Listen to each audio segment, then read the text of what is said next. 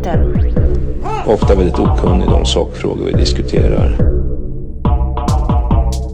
Mycket omoget intryck. De är stöddiga. De är otrevliga. De smäller i dörrar. Och de ljuger om oss.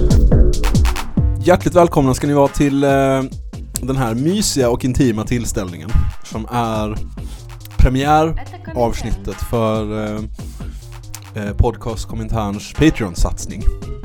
Eh, du är en av de utvalda få som eh, får tillgång Du till har ju valt ut dig själv, Ja, man kan säga. ja, ja, de har valt ut sig själva. Um, Jag har sysslat med en del påtryckningar i vissa fall. Dessutom en del påtryckare. Mm. Ehm, förhoppningsvis är du en del av en eh, sakta men ständigt växande skara som kan tänka sig att eh, slänga in lite stålar i eh, Kominternprojektet. Eh, för att på sikt kunna göra det så att jag slipper gå till mitt arbete. Nej, det tror vi inte på. Med mig i studion så har jag eh, Andreas och Tor.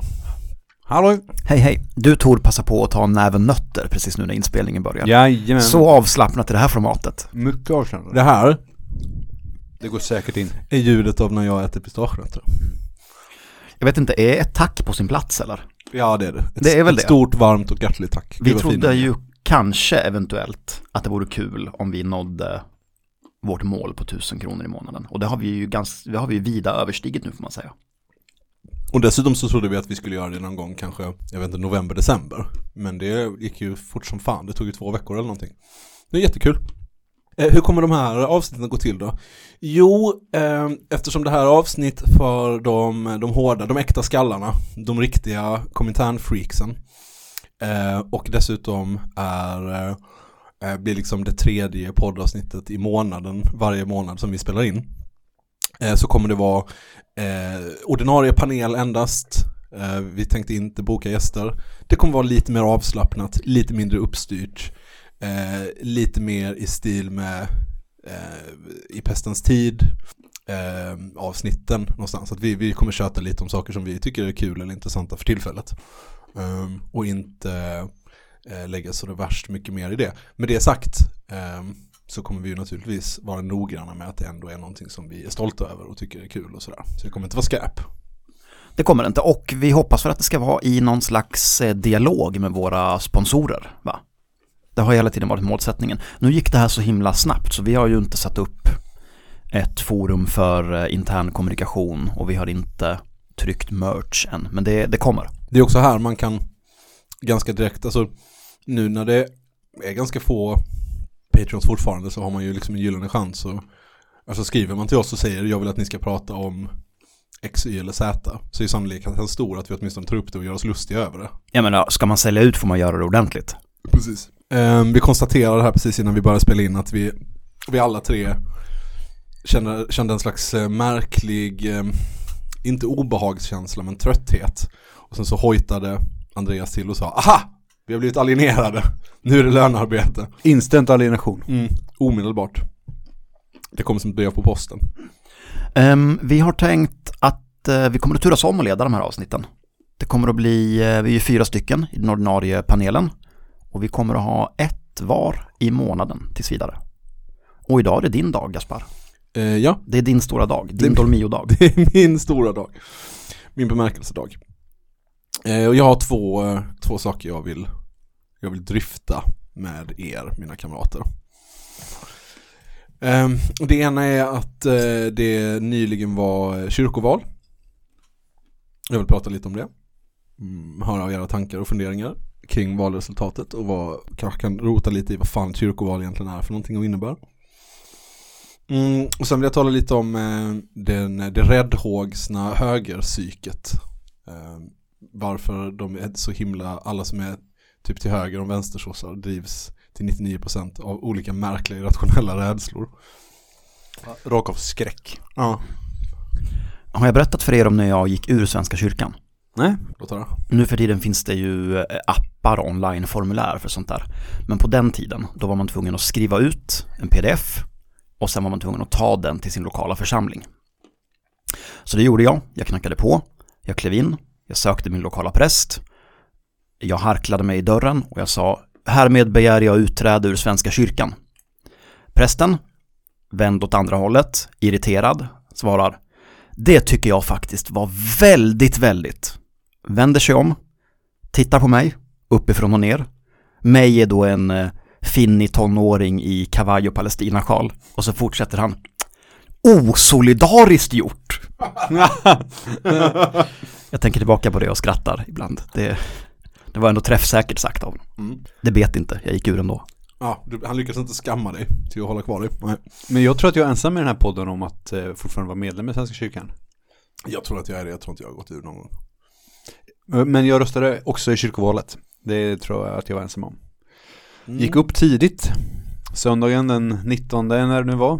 Tog du på dig din kavaj? Nej, det gjorde jag, det gjorde jag faktiskt inte. Förlåt, men vad är du för slags anarkist, Tor? Ja, det- Som går upp jättetidigt för att rösta i kyrkovalet. Ja, men jag hade andra saker, jag hade viktigare saker att göra senare på dagen. Det här var ju mest som en... Jag röstade out of spite, skulle man kunna säga.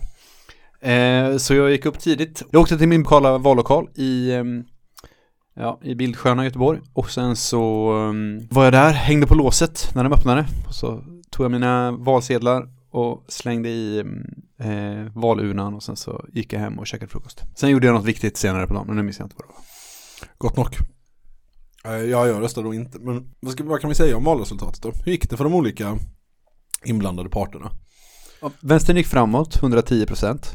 Mm. Det är väl liksom det stora skrällen. Mm. Att vänstern i kyrkan, vad nu det är för organisation. Är det någon som vet vad fan de, vad det innebär? Ingen aning. Men jag gissar att det är Vänsterpartiet och plus kanske. Mm. Jag tror, men det är väl inte så att det är en officiell Jag tror inte att de är, det är en officiell Vänsterpartiet-gren på något sätt. Jag tror att de alla gör en grej av att vara partipolitiskt obundna, eller? Ja, precis. Men det är säkert knutet till mycket korsbefruktning mellan de två. Mm. Eh, sossarna stod still, tappade väl någon procent kanske, hitan eller ditan. Mm. Eh, och sen var det de, eh, vad fan var det, de, de som gick fram också, påsk, eller vad de heter?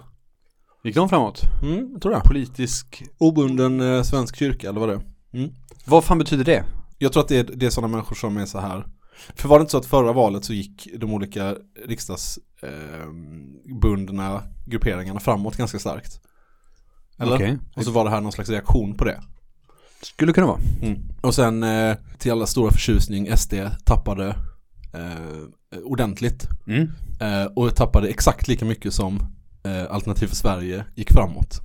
Så de har bara stulit rakt av en, en eh, näve röster liksom. Splittringen var en bra sak. Splittringen var en bra sak kan man konstatera. Men jag tycker att det är roligt.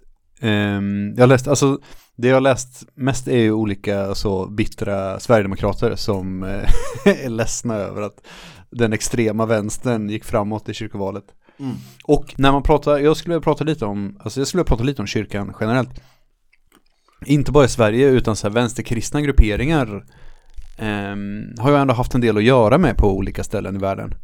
Eh, när jag var i Palestina så var det ju vimlare av kristna där. De var ju helt tokiga och hade helt sjuka rövarhistorier från andra intifadan när de bara ja du tog förbud men ja vi bryr oss inte så då hade de bara packat väskor med mat och medicin typ och gått runt till olika människor. Eh, och när jag var i USA och jobbade på gränsen mellan USA och Mexiko så var det ju också kristna, det var ju en kristen det var en kristen organisation drevs av en kyrka men det var ju bara så olika olika så ökenpunkare eh, och anarkister som hängde i öknen utan men officiellt sett så var det en var det en, en eh, kyrkoansluten organisation.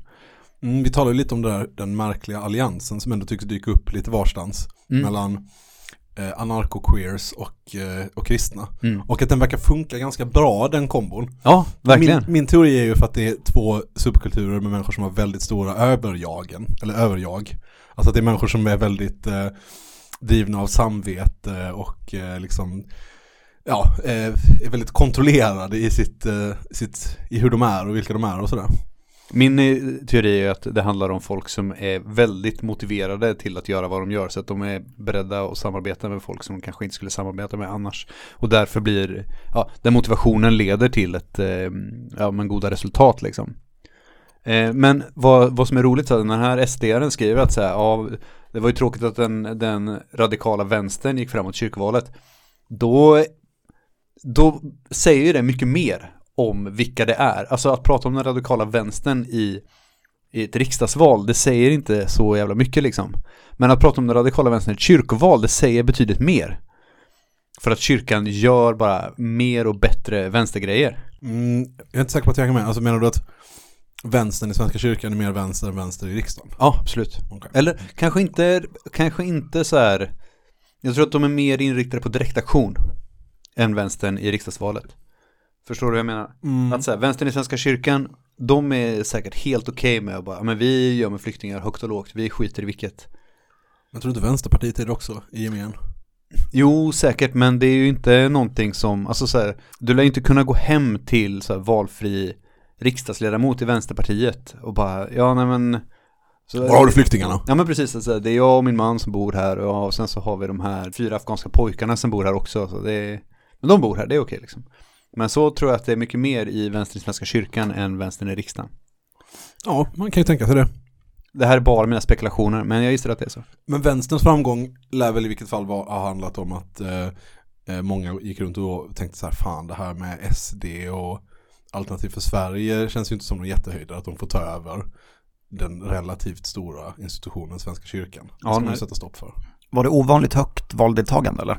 Nej, det var något lägre än förra valet. Något lägre. Det håller ju fortfarande på att ruttna bort hela skiten så det är ju inte, är ingen förändring där. Men det som verkar vara förändringen då är att många människor eh, som kanske annars inte då röstar i kyrkovalet tänkte oj, här kan vi neka extremhögern en, en position. Och det är ju lite, det är ju lite tråkigt, alltså det är ju gö- gött att de får på, på nosen liksom och det är gött att det är ett val där SD backar och sådär för första gången på typ, jag vet inte vad, 20 år. Men, eh, jag vet inte 20 år men 15 år eller vad fan. Eh, men det är ju trist att det är, att det är på grund av Alltså att vår framgång är, fortfarande är samma tråkiga jävla En reaktion liksom. Stoppa bä. Och det, inte, det finns liksom ingen, det är inte så att det pågår någon slags vänstervåg i samhället eller att Svenska kyrkan håller på att omformeras till en eh, kaderorganisation eller sådär eh, på, från insidan utan det är bara samma vanliga trista jävla reaktion. Och sen så av någon jävla orsak så lyckades det den här gången. Alltså kyrkovalet är uppenbarligen ett, eh, ja, men som superettan i politiken typ. Nu ska jag försöka dra sportreferenser, jag kommer ju, jag kommer ju gå Ja, det var tappert försök. helvete. Men, eh, men eh, det är verkligen ett, eh, ett val för partier som lajvar att de är riktiga partier. Mm. För då kan man liksom satsa som att det var ett riksdagsval. Och sen så i ett val som typ ingen bryr sig om. Och sen så kan man, kan man liksom eh, skryta med de, de mandat man får och så kan man hoppas att man kan göra någonting rimligt med det liksom. Jag tänker att en annan kul grej som är att det följer en annan, eller en annan grej att värd att notera med det här är att det följer någon slags Europavid tendens för eh, eh, där extremhögern backar i olika val.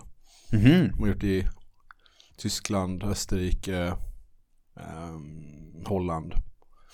På olika nivåer och så här. Eh, det gick ju inte jättebra för dem i valet i Tyskland, med varken A, eller AFD gick ju inte framåt i alla fall vill jag minnas, eller inte kraftigt framåt i alla fall. Utan det var någon slags, antingen stod de stilla eller så backade de lite. Något, eh, ja men något jävla lokalval i, vad fan var det? Österrike eller någonting gick inte jättebra för dem de nassarna de har där. Och det är liksom lite sådär eh, Front National i blåsväder i eh, eh, Frankrike och så vidare. Så det verkar som de har lite stiltje, det gänget. Också irriterande nog inte på grund av att vänstern går framåt. Det är någon så här eh, klasskampsvåg som sveper över Europa utan bara för att det verkar inte som det går så jävla bra för någon egentligen. Eller jag vet inte vilka som är, det är ju liksom, i Tyskland är det ju de, de gröna, alltså Miljöpartiet. De bara dundrar ju på där, de håller ju på att bli liksom statsbärande parti mer eller mindre. De hade ju, deras kampanj var ju rolig. Aha. De hade ju väldigt, alltså så här, om, om deras, val, alltså deras valaffischer från i år känns ju som någonting man skulle kunna hitta på en amerikansk infoshop typ för fyra år sedan. Den bilden liksom. Det är en massa olika folk i olika så färger och former och uppåt och neråt liksom. Vad är det vilda djur också? Är det en Jehovas illustration? Nej, Håller, håller de hand och tittar på en solnedgång? Ja, typ. Men så är det i en stad typ och det hänger lite banderoller kanske och Ja, det, men allt är ju väldigt pastell och fint liksom. Skulle kunna vara en Galago, ett Galago-omslag typ. Eh, så eh, det var, det är ändå, jag vet inte, alltså sen säger det ingenting om deras politik liksom, hur deras estetik ser ut, men eh, det var ett, ett jävla gnäll i alla fall om det. Nej men tyska kamrater som jag pratade med för inte så länge sedan, de var ju helt chockerade över när jag bara sa så nej Miljöpartiet, det håller på att gå åt helvete här. Och de var bara så här, men, men Greta Thunberg och bla bla bla, för att för dem var det så självklart att det här var liksom de grönas tur, nu var det dags liksom, nu kom den gröna vågen. Och det hängde liksom alla alla, hela den liksom politiska världen i Tyskland var tvungna att förhålla sig till dem på något sätt. Och här håller de bara på, alltså här håller Socialdemokraterna på att piska dem som en jävla gatuhund från Barcelona. Bara sparkar dem i magen och behandlar dem som djur. Helt annorlunda dynamik. Nej, Vi har världens, eller i alla fall Europas sämsta miljöparti. Jo men det får man väl ändå säga. Alltså så är det väl. De är väl sämst på att vara miljöpartister liksom. Ja, Miljöpartiet har ju varit, haft samma Miljöpartiet, ha- samt, Miljöpartiet har haft samma liksom miljöpolitik som Vänsterpartiet hela tiden. Och sen så bara sämre liksom klasspolitik. Läste ni det långa DN-reportaget om hur sossarna aktivt tvingar Miljöpartiet att fronta grejer som är vidriga för miljön? Mm, För, att, för att krossa dem. Va? Nej, det har jag missat. Mm, Jo men tvingar dem att göra olika saker. Klassisk sosse-strategi liksom.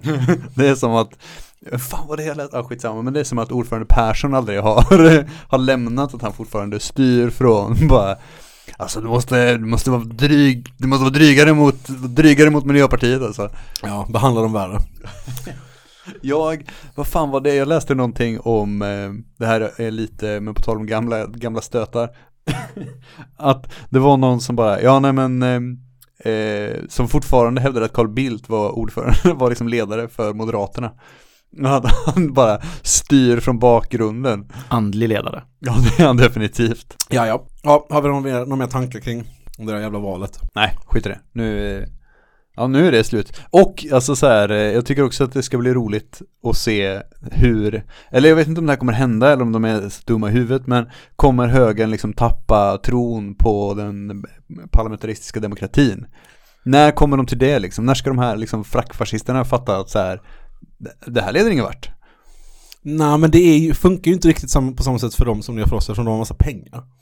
Och eftersom den parlamentariska demokratin mest handlar om pengar. Alltså den är ju, den är ju lika odemo, eller Alltså det, parlamentarisk demokrati funkar ju om man har en lobbygrupp som har miljoners miljarders och bara sitter, kan bara sitta och pumpa ut massa skit liksom. Alltså det funkar inte perfekt. Men det är liksom, det är ändå en mer framkomlig väg än, än för andra vanliga människor. Ja, kanske. Vi får se i alla fall. Ja. Det ska bli intressant. Ja, du vill säga något Andreas? Eh, nej, jag har egentligen inte haft någonting att säga om kyrkovalet någonsin tror jag. Jag lägger mig inte i er förenings angelägenheter. Det där sköter ni så bra. Vad fint. Ja, men på något sätt kan man ju precis som ett riksdagsval se det lite som en, du vet så man vetter fingret och håller upp det i, i luften för att se vad, åt vilket håll vinden blåser lite grann. Och det är ju, på det sättet är det lite intressant. För även om det är en lite snedfördelad grupp som röstar i valet så är det väl ändå på något sätt liksom ja, representativt för vad svenskar tycker om saker och ting för Jag, tillfället. jag vill mest dricka kyrkokaffe med så gulliga 80-åringar. Ja, det är hela din personlighet i, ett, i en bild. Jajamän. Jag har försökt googla mig till huruvida eh, de som är valda ledamöter till kyrkomötet är heltidsarvoderade. Ni, ni har inte svarat på det heller. Nej, jag har inte lyckats med den Nej. googlingen. För att om det räcker med knappa 10 000 röster för att få en själv och två kompisar valda som heltidspolitiker i en fyraårsperiod. Alltså jag har drivit mobiliseringar med sämre odds. Absolut. Ja. Kom internt till kyrkomötet 2025. Det, det här är en kampanj, det här är en kampanj vi ska driva alltså. Börja slipa redan nu. Ja. Vad krävs? Vad krävs för att få vara ett, ett, eh, par- nej, fy fan det kommer vara sånt jävla stök, men skitsamma. Andreas måste gå med i Svenska kyrkan, det är steg ett. Sen får vi ta resten därifrån. Jag hade blivit en så fruktansvärt bra kristen. Ja, men det är ett samtal för en det annan hade podd. du verkligen blivit. Comintern. Du ville snacka lite om trygghet idag, Gaspar. Efter ett samtal som började mellan dig och mig. Efter att vi läste en Twitter-tråd från Frans Borsen. Det har du förstås ingen aning om vem det är, Tor. Nej, jag vet inte. Nätt och jämnt vad Twitter är för någonting. Du är bläst på det sättet, men det här är en sån högljudd medlem av något av ung höger pedofilförbunden. Ingen utan internet vet om det såklart. Precis, förutom Twitter finns inte de här människorna. Nej, men jag tänkte att eh, jag börjar med att läsa tråden och så tar vi det därifrån. Eh, och eh, Frans, Frans, vilket jävla namn. Frans delar ett inlägg som historikern Viktor Pressfeldt har skrivit om tryggheten i Lund. Skriver Frans här. Lätt att skratta när man bara sitter och stirrar på verklighetsfrånvänd forskning. Nu vet jag inte hur det ser ut i Lund, men situationen i Göteborg, i Linné, Järntorget och Slottsskogen har blivit så allvarlig att många jag känner helt håller sig inne på kvällarna. Så det är alltså Frans, Wilhelmius och Torsten som inte vågar gå ut på Järntorget och dricka bärs längre på en fredagkväll. Det är ju, eh, vart har det här landet tagit vägen egentligen? Det, jag, jag tycker alltid det är delat att göra narr av människors rädsla för att vi lever ju så här i ett våldsamt samhälle och människor blir utsatta för olika typer av våldsbrott och sexualbrott och rån och det är ju hemskt. Men har ni sett hur det ser ut på Andra Lång och Järntorget? Hur det har sett ut senaste en och en halv, två månaderna? Nej, Ja men det är så karneval. Det är karnevalstämning. gött. Det är så fruktansvärt mycket jävla människor som vågar gå till Järntorget på kvällarna. Men inte Frans. Ja, jag skulle ju önska att Frans liksom, eh, det hade varit roligt att se honom på Järntorget anno liksom back in the days, det vill säga typ mitten på 1800-talet. Ja, eller bara mitten på 00-talet. Okej, fortsätt. Vad, vad, hur går det här vidare? Jag har själv blivit rånad där och jag har hjälpt en kille som blev förnedringsrånad där. Bestulen på allt, från mobil till kläder och sen lämnad mitt i november. Mm, Okej, vänta stopp. Det måste, vi måste börja, den här termen förnedringsrånad. Det måste, det måste till en, my- en mycket mer stringent definition. För nu kändes det som att folk slänger sig med det hur som helst. Vad är, hur definierar man ett förnedringsrån egentligen? Eh, Jag brukar se min lön, det är, Där har det blivit min förnedringsrån. lön är spes. Ja. Det är den nya skattestöld. Skatt, det ultimata förnedringsrånet. Nej men jag tänker att folk använder det nu för att beskriva rån där våld används. Vilket är en ganska vanlig typ av rån förmodar jag. Ja, det är väldigt, jag tycker ändå det är sällan det är nog ganska sällan folk blir rånade utan att någon slags våld förekommer, tänker jag. Eller i alla fall hot om våld. Ja. Alltså annars så är det ju bara så här, kan du ge mig dina grejer? Och så så- får man svara ja eller nej. Ja, ja, precis. Och då är det- handlar det ju mer om att man ger bort en sak. Det är som en sån fråga chanslapp. Kryssa i ja eller nej. Eller kanske. Vi måste beröra sen lämnad där mitt i november också. Mitt i stan. Är det vanligt att rånare tar med sig sina offer någonstans efteråt? För då rör det sig om kidnappning, det är en helt annan rubricering. Jag ser att Mycket vi är värre, mycket tufft värre. nu. Ah. Nu tog ju jag din jacka. Ska vi gå tillsammans till Ursäkta Myrorna? mig Mäster Gulliver, nu, var, nu tog jag din fina, fina jacka för 62 000 kronor här och din klocka. Ska, vi, ska jag eskortera dig till McDonalds där du kan få uppsöka en vakt? Men då är min fråga, minns ni när polisen åkte runt Stockholm och snodde folks jackor? Ja, det gör de väl fortfarande? Jo. Tillsammans med Någon eh, riksdagspolitiker av något Ja. slag. Ygeman. Ja. Ygeman, ja. Eh, Är det ett förnedringsrån? historia. Det är ju ett förnedringsrån om en jävla sossetopp instagrammar från tunnelbanan att han har snott din jacka för att du inte hade kvitto på den. Ja det är ett Det, förnedringsrån. det är 100% förnedringsrån. Jag fortsätter, eller Frans fortsätter. Den senaste tiden har det blivit ännu mer hotfull stämning, inte minst runt Järntorget, till den grad att många som jag känner är mer oroliga än de varit tidigare.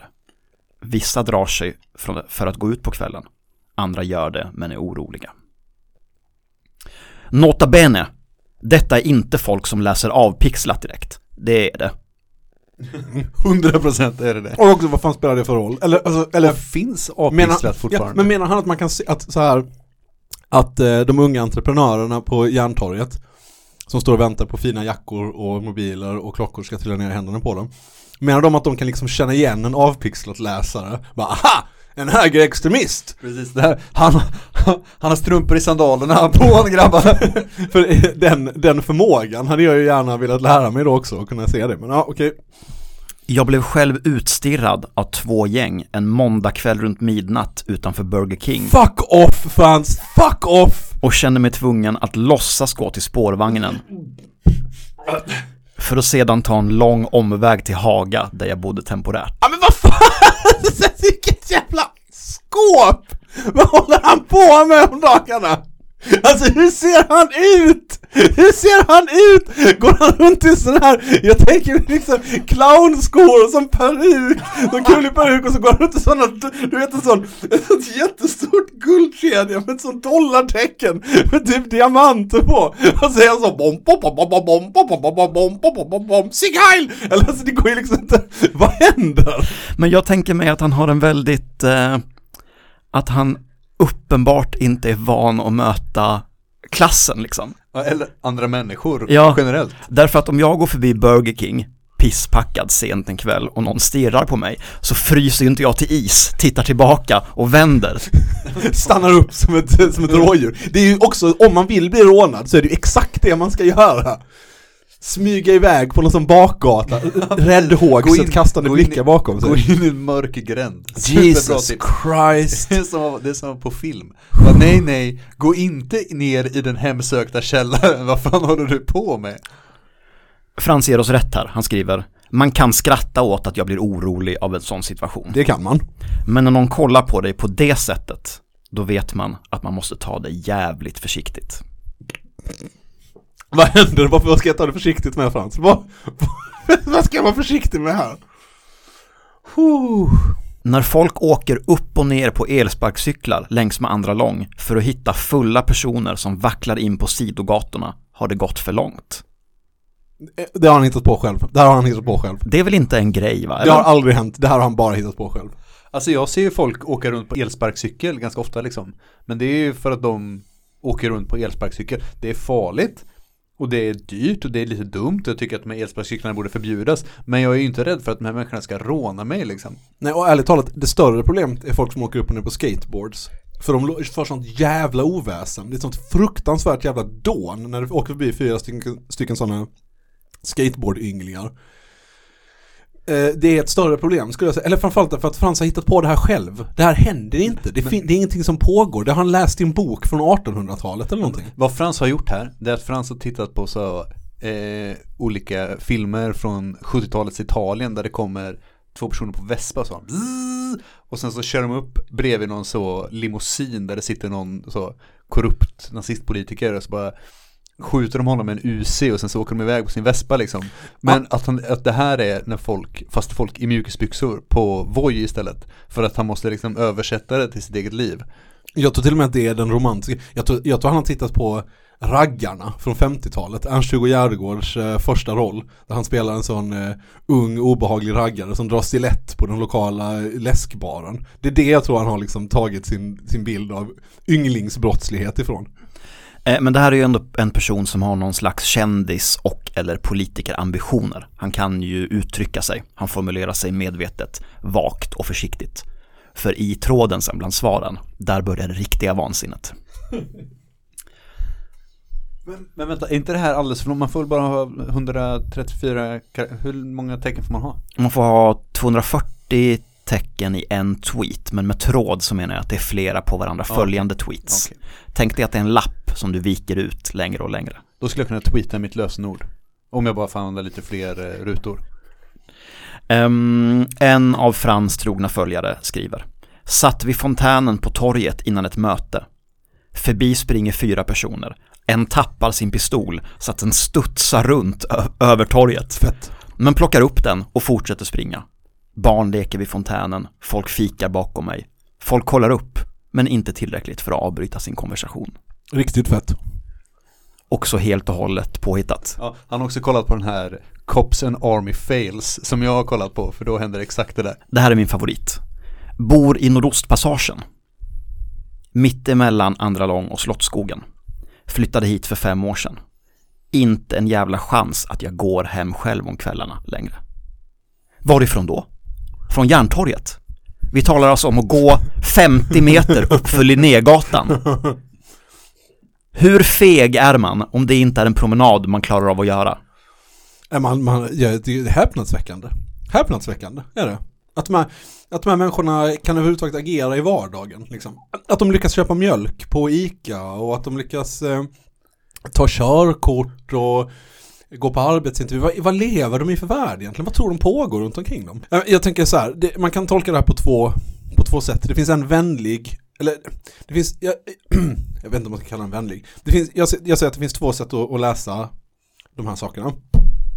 Å ena sidan så kan man tänka sig att eh, folk som är eh, liksom högerpolitiska eh, har, alltså någon slags, de är bara räddare liksom. Alltså för, det, finns, det, det har gjorts någon slags studie på det där om liksom vilka personlighetsdrag som är indikativt för vilka politiska eh, åsikter och sånt där. Och en av de få saker som faktiskt verkar vara så här beständigt och eh, mer eller mindre vetenskapligt välbelagt är väl att, är att eh, rädsla för nya intryck och okända människor är ett starkare eller mer framträdande drag hos människor som generellt är, har högre åsikter. Ah, så du, för det här har jag funderat jättemycket på. Du tänker ändå att det är en genuin rädsla vi pratar om här. Det är inte bara ett ett medialt knep för att hetsa upp en så här auktoritär och främlingsfientlig stämning. Nej, jag tror, att, alltså jag tror att det är båda.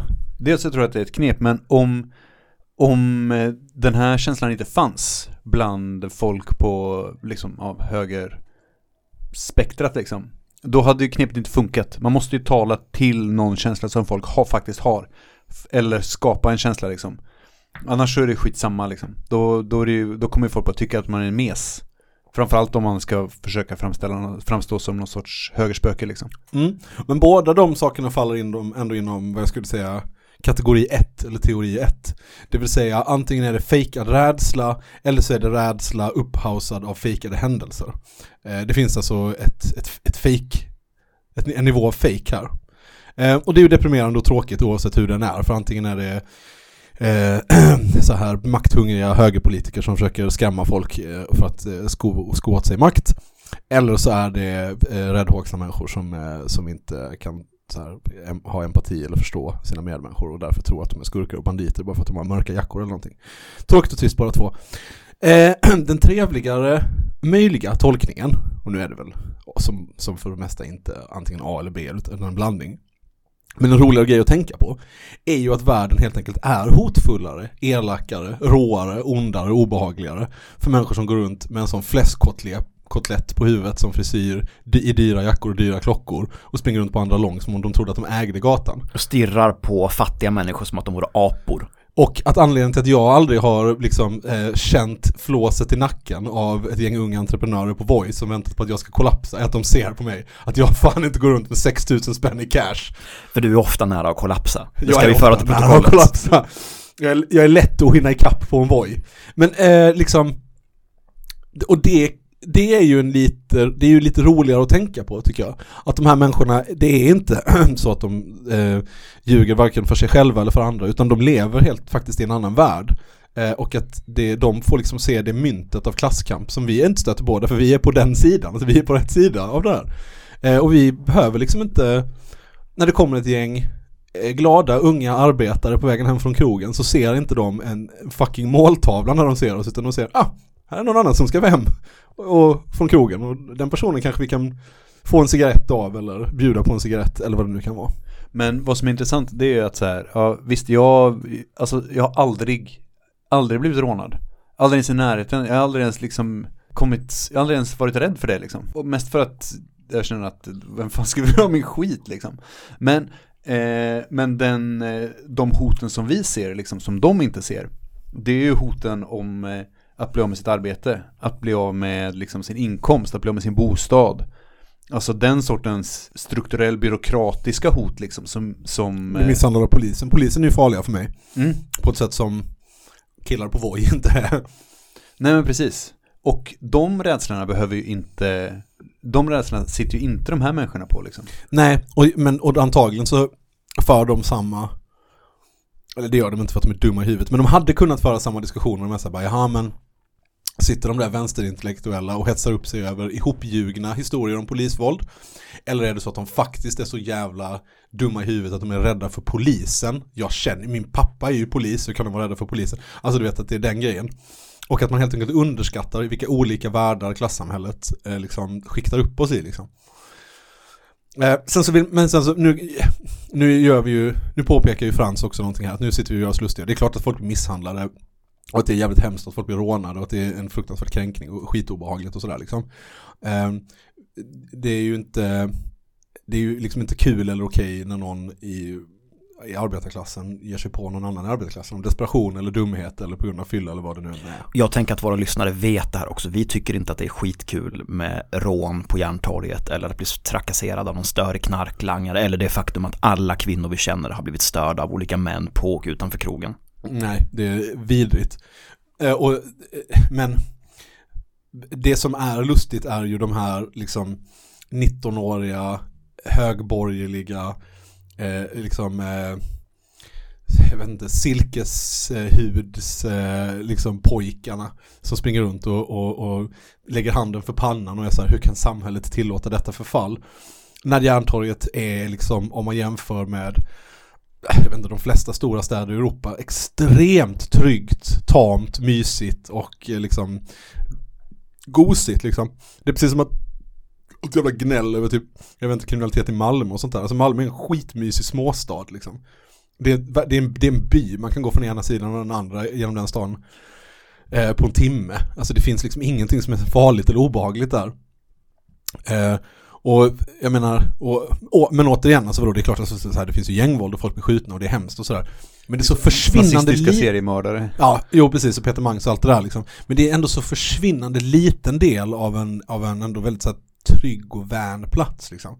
Våldet som genomsyrar samhället och som bryter ner människor pågår inte i någon större utsträckning med knytnävar och liksom eh, butterflyknivar på stan på olika busshållplatser utan det är ju som, som du säger Tor, det är ju brev från Kronofogden, Arbetsförmedlingen, eh, Försäkringskassan. Det är, där, det är det som är det riktiga våldet. Liksom. Mödrar som förlorar sina barn i gängkriminalitet. Och så vidare och så vidare. Bara så... det faktum att så många ungdomar idag känner att narkotikahandel är en rimlig väg för att tjäna sitt levebröd. Ja, eller liksom, ja, den enda vägen. Och, och det är också det är också så här att vidrigt som det är att få på truten på krogen eller på vägen hem i någon gränd eller sådär så är det alltid 110% värre när ett jävla snutsvin gör det. För då är man så utlämnad. För det är liksom människor som är vana vid våld, som alltid vet att de kommer undan med det och som är tungt beväpnade. Eh, och som får betalt för det också. Det går inte att jämföra. Alltså hur jävla vidrigt påhoppad man än blir på vägen hem från krogen så har man alltid i alla fall ett, en möjlighet, en möjlighet att springa därifrån eller försvara sig. Och det finns inte med snuten på samma sätt. Säkert inte om de har tagit in den på, eh, liksom på, någon fyllecell eller sådär. Du kanske bor i fel område, du har fel efternamn, du ser på fel sätt ut. Fel jacka, eh, du kanske bara, du kanske är nitad och inte känner för att bli eh, känner för att bli förnedrad den kvällen och säger fuck off, håll käften, låt mig vara i fred. Det är alltså någonting som många poliser tycker är ett brott som är värt att utdöma spöstraff för. Och ärligt talat, det tycker jag är på alla, med alla rimliga sätt att bedöma sådana här saker, ett mycket, mycket, mycket värre problem än att Frans Sporsen riskerar att bli av med sina Gucci-skor eller vad det är och behöver gå hem barfota 50 meter till sin eh, liksom, lyxlägenhet i Linné. Jag tycker att Frans ska välja glädjen. Frans, välj glädjen. Säg ja till livet. Nej men det är alltså så här, det, det, är ju, alltså så här, det är ju så, såklart ett skämt. Men det är ju också väldigt så här, alltså så här, om man ser hot överallt och tror sig vara hotad överallt hela tiden. Förutsatt att det är den här modell, eh, modell A då som, eh, som du ritade upp förut. Då är det klart man kommer känna sig hotad liksom. Det är ju inget konstigt med det.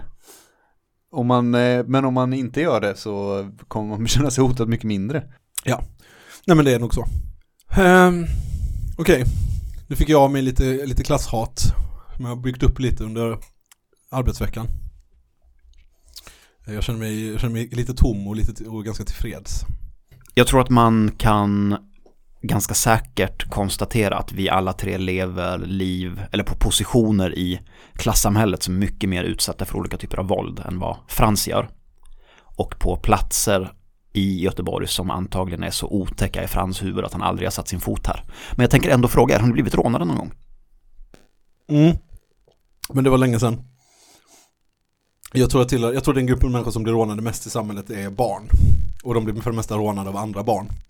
Och då talar jag inte om Frans barn, alltså 17-åringar, utan lite yngre barn. Så 12, 10, och så man 12 och 13. Och så blir de rånade av 15-16-åringar. Um, ehm, men alltså, eh, jag vet inte, eh, när jag var liten eh, i Malmö så var det liksom nästan som att man när man satt på dataspelscaféerna så var man liksom tvungen att betala tull till ett gäng tuffa killar som stod utanför. Som var så här, får jag låna en 20 eller? Och så var man så, mm, okej, okay, visst farbrorn, för att de hade mustasch typ. Och då var de så här otroligt stora och vuxna. Och det är väl ett rån, liksom, för det visste ju både de och jag att de pengarna skulle aldrig komma tillbaka. Ehm, eh, och det hände väl, har liksom hänt att, eh, eller hände väl under den tiden också att någon kom eh, liksom på stan under någon gångbro och så ge mig alla dina pengar. Så här, med 13 år så har man ju liksom inte så mycket stålar. Hosta upp vad man har liksom. Men det hände också någon gång att jag bara sa nej. Och sen så gick de därifrån. Alltså det, ja, det är väl sånt som händer liksom. Jag har aldrig någonsin blivit rånad. Jag har, och innan någon liksom börjar spekulera för mycket så har jag aldrig heller varit någon tuff kille i, så 16 års gäng. Utan, ja, jag har bara inte eh, hållit på med den sortens eh, händelse. På Du ena blev- eller andra sidan. Du blev tuff kille efter 30. Ehm, Nej, ja, lite yngre nej, nej, jag, var, jag blev nog tuff kille vid eh, 23 kanske. Du, du satsade på att råna bosättare på deras hem istället. Nej, precis, alltså när jag kunde, min, eh, så, likt Samson så sitter ju min kraft i mitt skägg. Mm. Eh, så att innan jag kunde odla skägg så var bara så rollspelande så, kille. Råna japanska valfångare på eh, deras På deras leverbröd. valkött. Ja. Ja. nej. Eh, men när jag fick skägg då var jag cool så det, det kan man ju, det är ju en grej. Eh, på, eh, på min kyl förut så satt det ju en, ett tidningsurklipp som, som jag ofta tänker på och ganska ofta citerar. Som är en barberare som har uttalat sig i någon tidning och säger att eh, skägg är fula killars andra chans. Det är faktiskt väldigt bra sagt. Ja, jag jobbar med det. Det är också helt sant. Ja, absolut, 100% det är sanningen. Andreas, har du blivit brottsutsatt? Eh, Jag har blivit brottsutsatt, jag har blivit rånad men min upplevelse var väldigt lik eh, din. Jag blev rånad en gång i tidiga tonåren av en äldre fruktansvärt hög kille hemma på gården så att säga. Eh, Fick också tillbaka allting dagen efter för jag visste såklart vem det var. Och det, jag kan så här förstå, du vet jag kanske såg mig extra över axeln några veckor efter det. Det är ingen kul upplevelse, det är det inte. Och jag har väl också råkat befinna mig ibland på platser på resor runt om i världen där jag fattar så här, ah, inte skitbra tillfälle, inte skitbra plats. Men vad jag menar är att den här skräcken för Järntorget är enormt däremot uppblåst. Ja, alltså den, eh, när, det var, när vi var i Exarchia och eh, du vet det var sent på kvällen och innan vi mötte vår kontakt, The King of Exarchia, så, så var det ju lite läskigt liksom.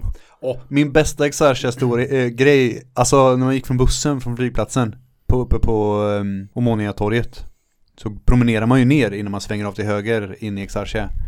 Och då var det, det var liksom strömavbrott i hela Exarche, det var så, så det var bäckmörkt, alltså det var bäckmörkt. Och så blev man bländad av så, bilarna strålkastade hela tiden, så kommer man närmare och närmare torget. Och den enda ljuskällan som finns, det är en enorm eld som anarkisterna har gjort som någon sorts häx, eh, liksom bål som häxor dansar runt. Och så satt det typ kanske 40-50 anarkister runt den här enorma elden i ett helt så utsläckt Exarchia. Det var en sån guldupplevelse. Ja, fan ibland är man på en utsatt plats där man helt uppenbart sticker ut men vet man lite grann hur man fan beter sig och hur man tar folk och kan känna av en situation lite grann så brukar det för det mesta gå bra. Ja, Det är ett gratis tips till dig Frans. ja och det är Nej, lustigt. du får bli Patreon. Ja, men- Du får det för 100 spänn i månaden. Att Frans är pen. Nej men det är, också, men det är väl det som är lite, jag tror, det är kanske det som är kärnan i varför det här både är provocerande och löjeväckande. Att man inser att det finns människor som ser på Järntorget med samma ögon som jag ser på en helt främmande miljon, eller ja för mig då främmande miljonstad med, eh, med folk som är så här uppenbart väldigt, väldigt påtända och våldsamma runt omkring mig överallt. Och när jag tittar på Järntorget så är det ju de facto, det är inte bara inte det jag ser, det är inte det det är. Nej, jag tänker att vi behöver inte tala runt det heller. Vi kan säga vad det handlar om. Det handlar ju om Frans relation till människor med något mörkare hudton än vad han har själv. Det är det han pratar om. Ja. Han pratar ju inte om dig när du är packad på andra lång. Nej, nej verkligen inte. Det skulle vara en otäck upplevelse för dig Frans. Varning, varning.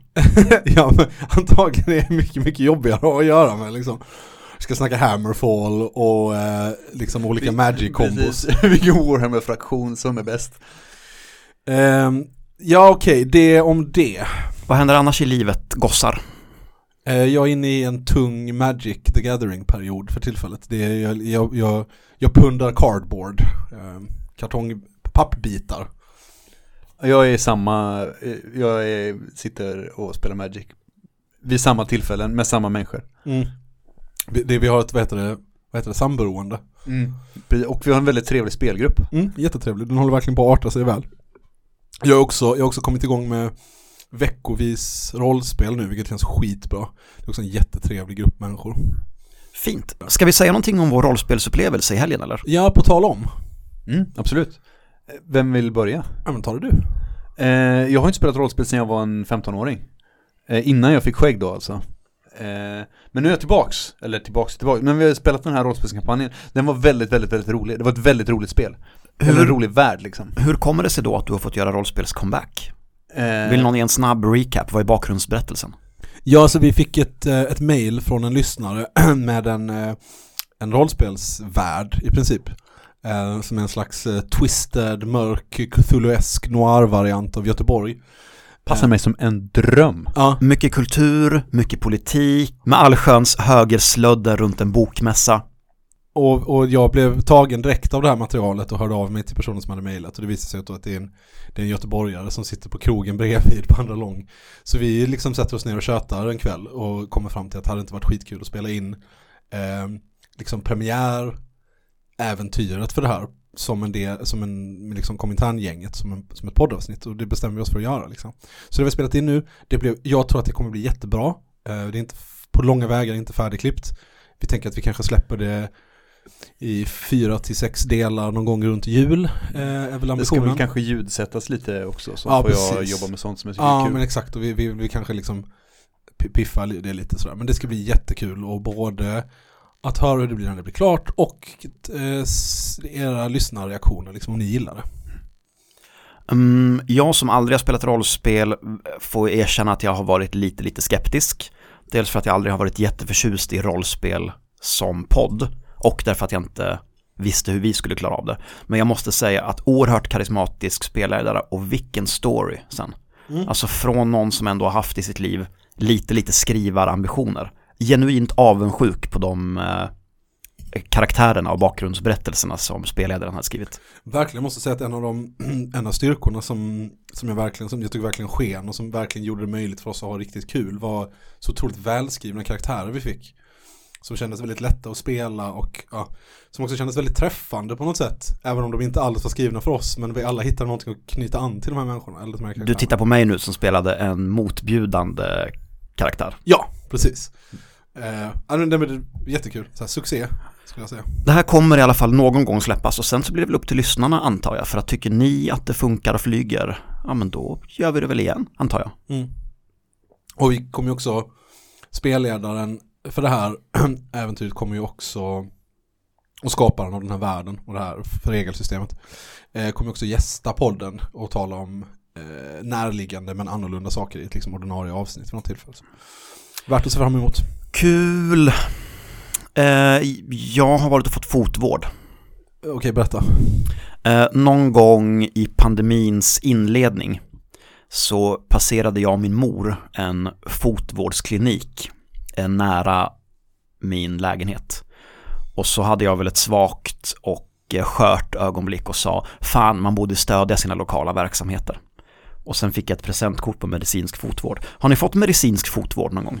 Aldrig. Jag har ju tänkt att jag ska unna mig massage sen eh, anatomi och fysiologitentan första terminen på sjuksköterskeprogrammet. Och det har fortfarande inte hänt. Så att, nej, jag, jag är inte den sortens eh, som tar tag i så att eh, ta hand om min lekamen och sånt. Jag kan massera det, jag är ganska bra på att massera. Nej, de som söker medicinsk fotvård, de har ju också ofta medicinska problem med sina fötter. Att de är typ bruna, de har trenchfoot. Portvinstå, sådana saker. Mm. Det har ju då inte jag. Jag har ett par normala men ganska fula mansfötter. Jag hade en, en punkvän som kom hem från ett augustibuller där hans högra fot var, hade färg, alltså var färgad som kaffe. Den var helt brun. Han hade, han hade så fått, eh, jag vet inte vad den svenska termen, trenchfoot, alltså hans fot hade börjat ruttna. Jag har gått nekros, alltså kallbrand. Skyttegravsfossing. Skyttegravsfot. Ja men nej men alltså att, det, det, att- han hade inte tagit av sig kängorna på en vecka och sen så hade det fukt och grejer och sådär. Ja det var inte, det var inte kul. Skitsamma. Jag var i alla fall och fick medicinsk fotvård. Eh, Fotvårdaren konstaterade då att jag ha, här finns ju inte jättemycket att göra. Men hon pysslade om mina fötter filade lite, drog med något vasst rakblad. Hon hade någon, eh, vad ska man säga, nästan som en sån här, vad heter det när man har eh,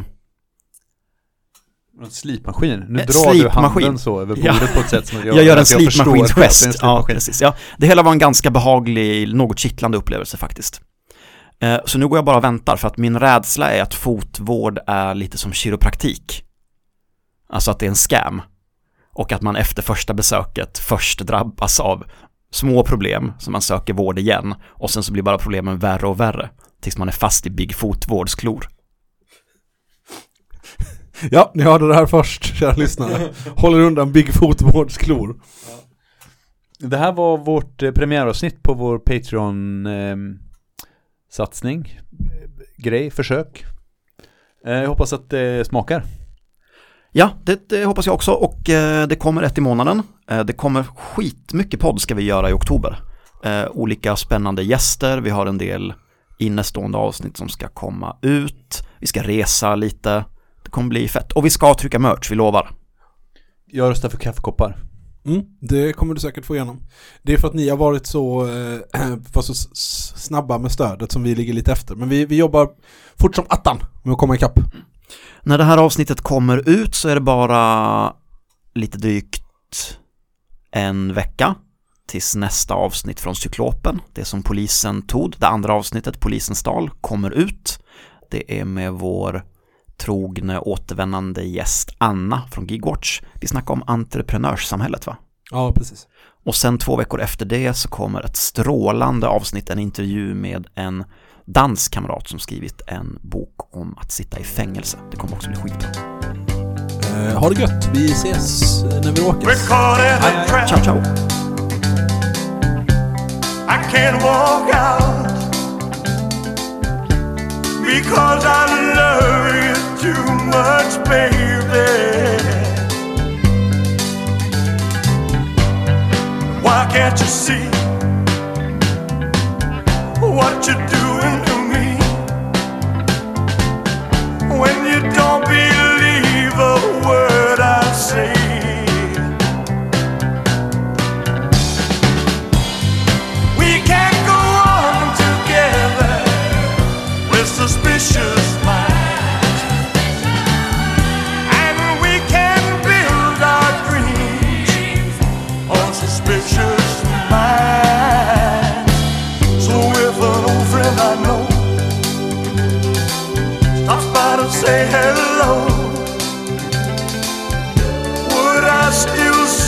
suspicion in your